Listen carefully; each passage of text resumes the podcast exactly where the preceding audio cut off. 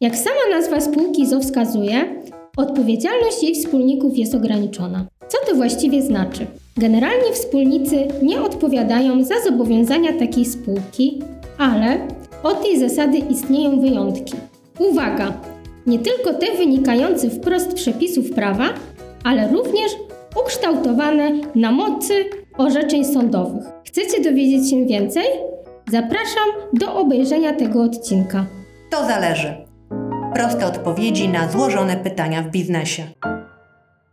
Nazywam się Wiktoria Król i jestem aplikantką radcowską. Na co dzień wraz z zespołem kancelarii Gazet Legal uczestniczę w doradztwie korporacyjnym klientów, przygotowując i opiniując projekty niezbędnych dokumentów do planowanych zamierzeń biznesowych. Ten odcinek to praktyczne kompendium wiedzy na temat różnych sytuacji, w których wyjątkowo wspólnik może odpowiadać za zobowiązania spółki ZO. Zostańcie do końca. Podzielę się z Wami ciekawostką w zakresie przypisania wspólnikowi odpowiedzialności w oparciu o koncepcję przebicia zasłony korporacyjnej. Idę o zakład, że dla wielu z Was to coś zupełnie nowego. Zasubskrybujcie proszę ten kanał, to zależy, klikając w dzwoneczek poniżej.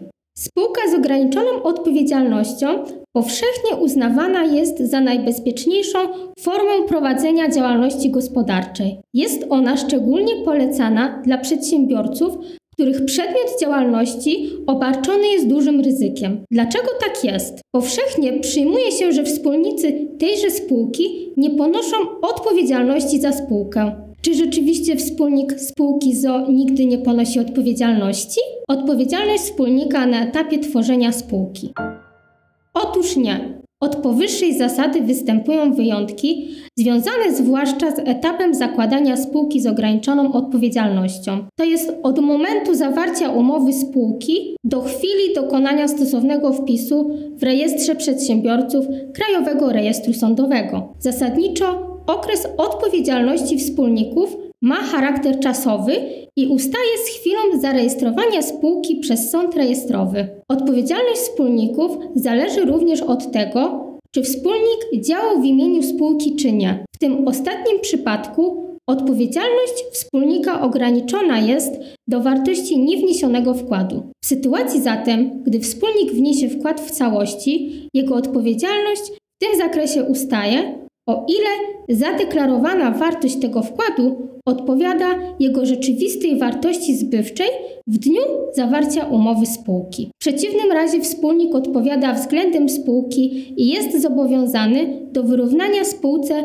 brakującej wartości tego wkładu. Natomiast w przypadku, gdy wspólnik podejmował czynności w imieniu spółki ZO osobiście, to ponosi odpowiedzialność za zobowiązania tej spółki solidarnie, a więc potocznie mówiąc wspólnie ze spółką. Kolejnym przykładem ponoszenia odpowiedzialności przez wspólnika spółki ZO jest sytuacja, kiedy wspólnik podczas tworzenia spółki postąpił sprzecznie z przepisami prawa i w sposób zawiniony wyrządził spółce szkodę. W tym przypadku jest on zobowiązany do jej naprawienia niezależnie od wysokości wkładu. Z kolei po zarejestrowaniu spółki przez sąd rejestrowy wspólnicy spółki ZO ponoszą odpowiedzialność w przypadku, gdy zobowiązani są do powołania zarządu spółki, a organ ten nie zostanie przez nich w ogóle powołany, jak również gdy w organie reprezentacji zachodzą braki osobowe, a więc gdy zarząd jest nienależycie obsadzony. W tych przypadkach sąd rejestrowy może wezwać wspólników do wykonania powyższych czynności, pod rygorem nałożenia grzywny. Odpowiedzialność wspólników wchodzących w skład zarządu spółki ZO. W odrębny sposób kształtują się zasady odpowiedzialności wspólników wchodzących w skład spółki z ograniczoną odpowiedzialnością. W takim przypadku są oni obarczeni ryzykiem odpowiedzialności cywilnoprawnej, jak i karnej w przypadku nienależytego wykonania swoich funkcji. Podam dwa przykłady. Jan Kowalski jest wspólnikiem oraz członkiem zarządu spółki z ograniczoną odpowiedzialnością. Spółka posiada zadłużenie, którego nie jest w stanie uregulować. Jeżeli Jan Kowalski nie złożył we właściwym czasie wniosku o ogłoszenie upadłości tejże spółki, będzie odpowiedzialny za zobowiązania zaciągnięte przez spółkę w przypadku, gdy egzekucja z majątku spółki okaże się bezskuteczna. A teraz drugi. Spółka ZO posiada trzyosobowy zarząd. Prezesa zarządu Adama Nowaka, wiceprezesa zarządu Antoniego Wiśniewskiego oraz członka zarządu Jana Kowalskiego. Jan Kowalski jest jednocześnie jedynym wspólnikiem spółki ZO, jednak nie uczestniczy w faktycznym zarządzaniu spółką. Prezes i wiceprezes zarządu zaciągnęli w imieniu spółki liczne zobowiązania, doprowadzając do jej niewypłacalności. Mimo oczywistych przesłanek wskazujących na upadłość spółki, nie został złożony wniosek o jej upadłości. Ostatecznie wierzyciel zaspokoił swoje roszczenie wyłącznie z majątku Jana Kowalskiego. Na czym polega solidarna odpowiedzialność członków zarządu spółki? Solidarna odpowiedzialność członków zarządu polega na tym, że wierzyciel ma prawo wyboru członka zarządu, z którego majątku prowadzona będzie egzekucja. W przedstawionym przeze mnie przykładzie wierzyciel wybrał wyłącznie Jana Kowalskiego i to z jego majątku przeprowadzono egzekucję. Janowi Kowalskiemu przysługuje oczywiście roszczenie regresowe w stosunku do pozostałych członków zarządu, choć z egzekucją może być trudno, jeśli nie posiadają majątku. Przez ostatnie dwa miesiące istnienia kanału przybyło Was prawie tysiąc osób. Nasze filmy i podcasty oglądane są coraz chętniej, a komentarze i polubienia jednoznacznie wskazują, że treści, które dla Was tworzymy, przypadają Wam do gustu. To tylko motywuje nas do jeszcze cięższej pracy i bardzo serdecznie zachęcamy do subskrypcji i aktywności na kanale. YouTube coraz częściej wyświetla nasze filmy na głównej stronie, a kanał gromadzi wokół siebie coraz więcej osób. Zachęcamy Was do zostawienia subskrypcji i spersonalizowania powiadomień. Dziękujemy. Na czym polega odpowiedzialność w oparciu o koncepcję przebicia zasłony korporacyjnej? Odpowiedzialność wspólnika może wreszcie opierać się na koncepcji zwanej przebiciem zasłony korporacyjnej. Ma ona zastosowanie we wszystkich spółkach kapitałowych, ale na potrzeby dzisiejszego nagrania przyjrzymy się jej wspólnie na przykładzie najpopularniejszej w prawie polskim spółce ZO. Omawiana koncepcja powstała w prawie anglosaskim i odnosi się do sytuacji, których wspólnicy traktują spółkę jako fasadę w celu wyłączenia osobistej odpowiedzialności wspólnika za zobowiązania spółki. Takie zachowanie stanowi nadużycie formy prawnej tej spółki. W polskim porządku prawnym nie istnieje przepis prawny, który wprost regulowałby przesłanki pociągnięcia do odpowiedzialności wspólnika na podstawie tej koncepcji. Niemniej jednak omawianą odpowiedzialność wspólnika można oprzeć na zasadzie odpowiedzialności deliktowej, zgodnie z którą kto z winy swej wyrządził drugiemu szkodę,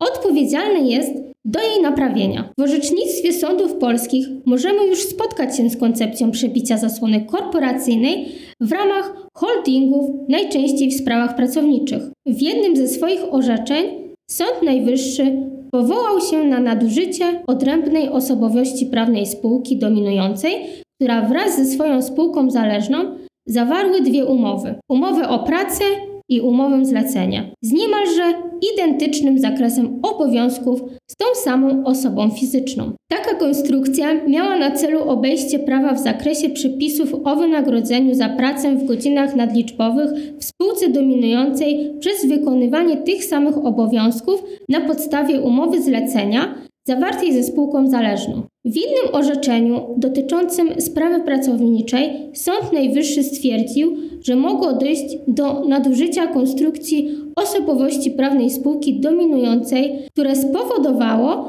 nieuzasadnione i nieusprawiedliwione zróżnicowanie sytuacji prawnej między pracownikami zatrudnionymi w spółce dominującej a pracownikami spółki zależnej. Spółka zależna była spółką powiązaną kapitałowo i była ekonomicznie uzależniona od spółki dominującej. Na gruncie prawa pracy polega to na tym, że rzeczywisty właściciel zakładu pracy doprowadza swoim działaniem, przekształcając odpowiednio struktury organizacyjne do formalnego związania pracownika stosunkiem umownym z podmiotem od siebie uzależnionym i pozbawionym uprawnień właścicielskich, co może prowadzić do obejścia prawa i uniknięcia zobowiązań wobec pracowników. Korzystanie przez właściciela ze swobody w kreowaniu osób prawnych, w szczególności dotyczy to przypadków zakładania spółek zależnych, niejednokrotnie prowadzi to do negatywnych